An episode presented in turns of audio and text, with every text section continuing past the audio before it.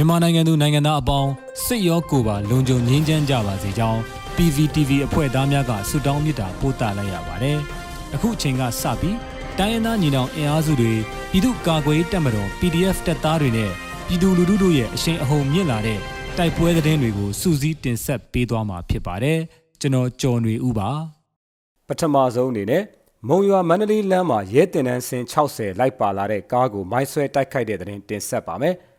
စကိုင်းမြို့နယ်အမှတ်3ရဲတင်တန်းကျောင်းမှမုံရွာဘက်သို့ထွက်ခွာလာတဲ့အကြမ်းဖက်စစ်ကောင်စီဝင်ရဲတင်တန်းစင်60ခန့်ပါကားတစ်စီးကိုယနေ့ဇွန်လ30ရက်နေ့နနက်9:45မိနစ်ချိန်မုံရွာမန္တလေးအဝေးပြေးလမ်းမကြီးတွင်ရေပိုးစားကန်တဲ့နက်ရေကန်ကြား၌မိမိတို့ MRA စကိုင်းခရိုင်တပ်ရင်း9က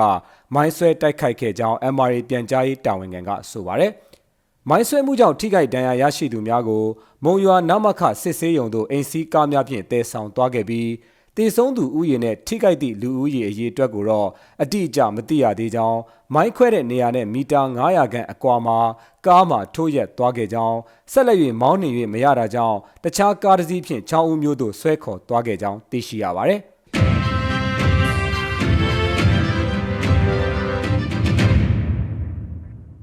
ဆက်လက်ပြီး ဂန့်ကောမှာဈေးထွက်ဝယ်တဲ့ရဲ၃ဦးပြစ်ခတ်ခံရပြီး2ဦးသေတဲ့တဲ့တင်တင်ဆက်ပါမယ်။မကွေးတိုင်းဂန့်ကောမြို့နယ်မှာဈေးထွက်ဝယ်တဲ့ရဲ၃ဦးပြစ်ခတ်ခံရပြီး2ဦးသေဆုံးက2ဦးဒဏ်ရာရရှိကြောင်း PDF ဂန့်ကောတောင်ပိုင်းပြည်သူ့ကာကွယ်တပ်ဖွဲ့ကပြောပါရယ်။ဇူလိုင်လ30ရက်နေ့မွန်လွယ်2နာရီခွဲအချိန်မကွေးတိုင်းဂန့်ကောမြို့နယ်မင်းရွာရဲစခန်းမှဈေးဝယ်ထွက်လာတဲ့ရဲတပ်ဖွဲ့ဝင်3ဦးကို PDF ဂန့်ကောတောင်ပိုင်းရဲဘော်များကချောင်းမြောင်းပစ်ခတ်ခဲ့ရာရဲ2ဦးသေဆုံးကြောင်းရဲ2ဦးမှနန်ကြားသို့တနက်မှန်ဒဏ်ရာဖြင့်ထွက်ပြေးသွားကြောင်းရဲစခန်းအတွင်းမှလက်နက်ကြီးလက်နက်ငယ်များဖြင့်ရန်တမ်းပစ်ခတ်ခဲ့တော်လဲ PDF ဂန်ကောတောင်ပိုင်းရဲဘော်များထိခိုက်မှုမရှိဘဲအောင်မြင်စွာပြန်လည်ဆုတ်ခွာလာနိုင်ခဲ့ကြောင်းသိရှိရပါတယ်။ ပေါက်မြို့နယ်မှာရွာမီးရှို့ခဲ့တဲ့စစ်ကြောင်းတိုက်ခိုက်ခံရပြီးတေဆုံးမှုများနိုင်တဲ့တဲ့ရင်ဆက်လက်တင်ဆက်မှာပါ။မကွေးတိုင်းပေါက်မြို့နယ်ကြားပစ်ကံရွာကိုမီးရှို့ပြီးတောင်မြင့်ရွာသို့ဆုတ်ခွာလာတဲ့အကြမ်းဖက်စစ်ကောင်စီဝင်တဲ့ပြူစောတိပူးပေါင်းအဖွဲ့တို့ကိုပြည်သူ့ကာကွယ်ရေးအဖွဲ့များကဇူလိုင်လ28ရက်နေ့မှာတိုက်ခိုက်ရာ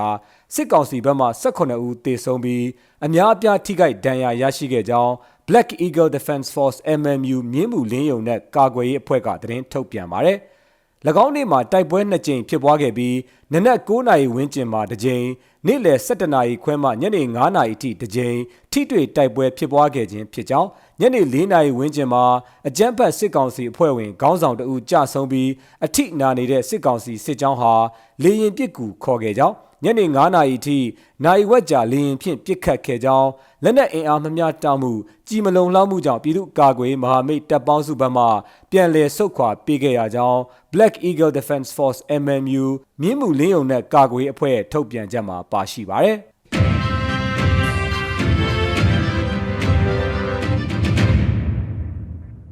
နောက်ဆုံးအနေနဲ့တင်ဆက်ပေးမှာကတော့မန္တလေး PDF လုံခြုံရေးယူထားတဲ့နောင်ချိုနဲ့ပြင်ဦးလွင်မြို့နယ်အတွင်းသို့ကျူးကျော်လာတဲ့စစ်တပ်တိုက်ခိုက်ခံရပြီးစစ်သားတေဆုံးမှုများစွာဖြင့်ကစင်ကလျာထွက်ပြေးတဲ့တဲ့တင်ပါ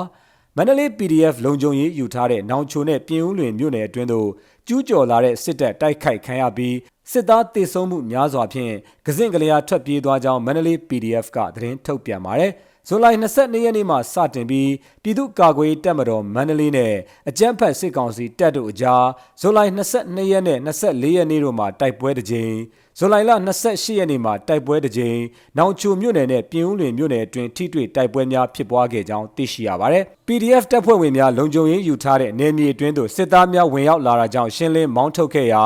စစ်သားများအထူးကိအသေးဆုံးများစွာဖြင့်ကစင့်ကလေးအားထွက်ပြေးသွားခဲ့ကြောင်းပြည်သူ့ကာကွယ်တပ်မတော်မန္တလေးကရင်ဆိုင်တိုက်ပွဲဖြစ်ပွားစဉ်အတွင်းထိခိုက်ကြဆုံးမှုတစုံတရာမရှိခဲ့ကြောင်းသိရှိရပါတယ်ခင်ဗျာ။